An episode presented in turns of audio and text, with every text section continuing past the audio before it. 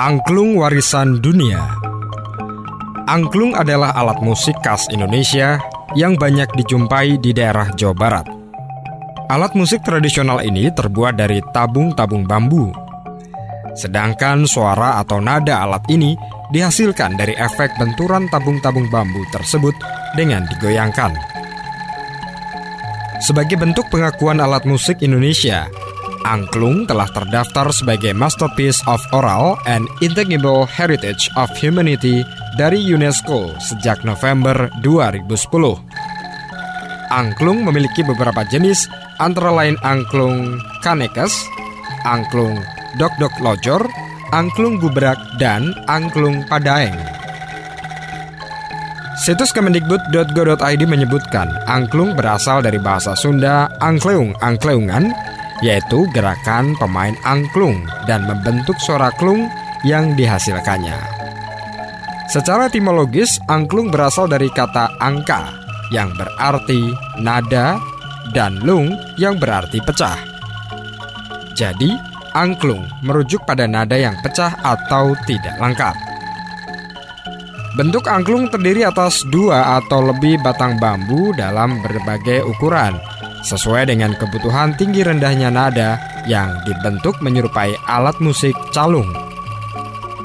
Menurut Dr. Groneman, angklung telah ada di Nusantara, bahkan sebelum era Hindu.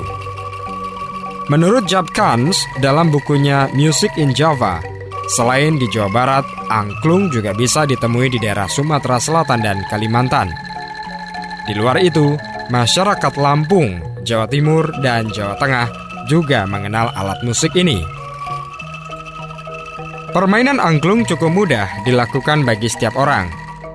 Memainkannya dengan satu tangan memegang rangka angklung dan tangan yang lain menggoyangkannya hingga menghasilkan suara atau bunyi.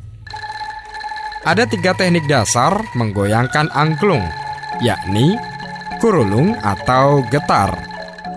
Merupakan teknik yang paling umum dipakai di mana satu tangan memegang rangka angklung dan tangan lainnya menggoyangkan angklung selama nada yang diinginkan.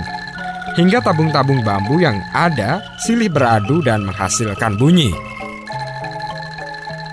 Berikutnya, cetok atau sentak merupakan teknik di mana tabung dasar ditarik dengan cepat oleh jari ke telapak tangan kanan sehingga angklung akan berbunyi sesekali saja atau staccato.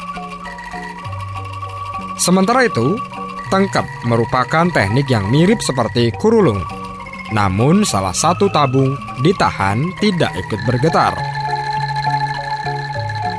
Di lingkungan kerajaan Sunda pada abad ke-12 hingga abad ke-16, angklung dimainkan sebagai bentuk pemujaan terhadap Nyai Sri Pohaci sebagai lambang Dewi Sri atau Dewi Kesuburan.